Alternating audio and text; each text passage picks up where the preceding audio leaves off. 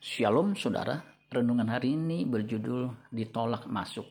Yohanes 3 ayat 5. Jawab Yesus, aku berkata kepadamu, sesungguhnya jika seorang tidak dilahirkan dari air dan roh, ia tidak dapat masuk ke dalam kerajaan Allah.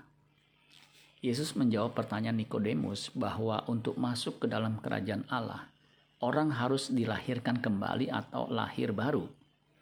Yohanes 3 ayat 3, Yesus menjawab katanya, Aku berkata kepadamu, sesungguhnya jika seorang tidak dilahirkan kembali, ia tidak dapat melihat kerajaan Allah. Ternyata ada ketentuan untuk bisa masuk ke dalam kerajaan Allah, yaitu harus dilahirkan kembali atau lahir baru. Itu dimulai pada waktu seseorang bertobat menerima Kristus. Matius 18 ayat 3. Lalu berkata, Aku berkata kepadamu sesungguhnya jika kamu tidak bertobat dan menjadi seperti anak kecil ini, kamu tidak akan masuk ke dalam kerajaan sorga. Baru-baru ini ada seorang yang ditolak masuk ke sebuah negara karena dianggap orang tersebut tidak sesuai dengan ketentuan yang diisyarat yang disyaratkan untuk masuk ke negara tersebut. Demikian juga orang percaya bisa saja ditolak untuk masuk ke dalam kerajaan Allah jika ia tidak memenuhi syarat dan ketentuan kerajaan Allah.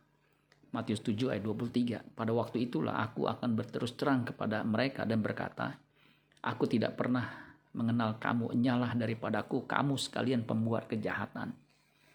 Ketika seorang menerima Kristus sebagai Tuhan dan Juru Selamat pribadinya, saat itulah ia harus bersedia masuk dalam proses pemuridan, sehingga ia menjadi orang yang berkarakter seperti Kristus.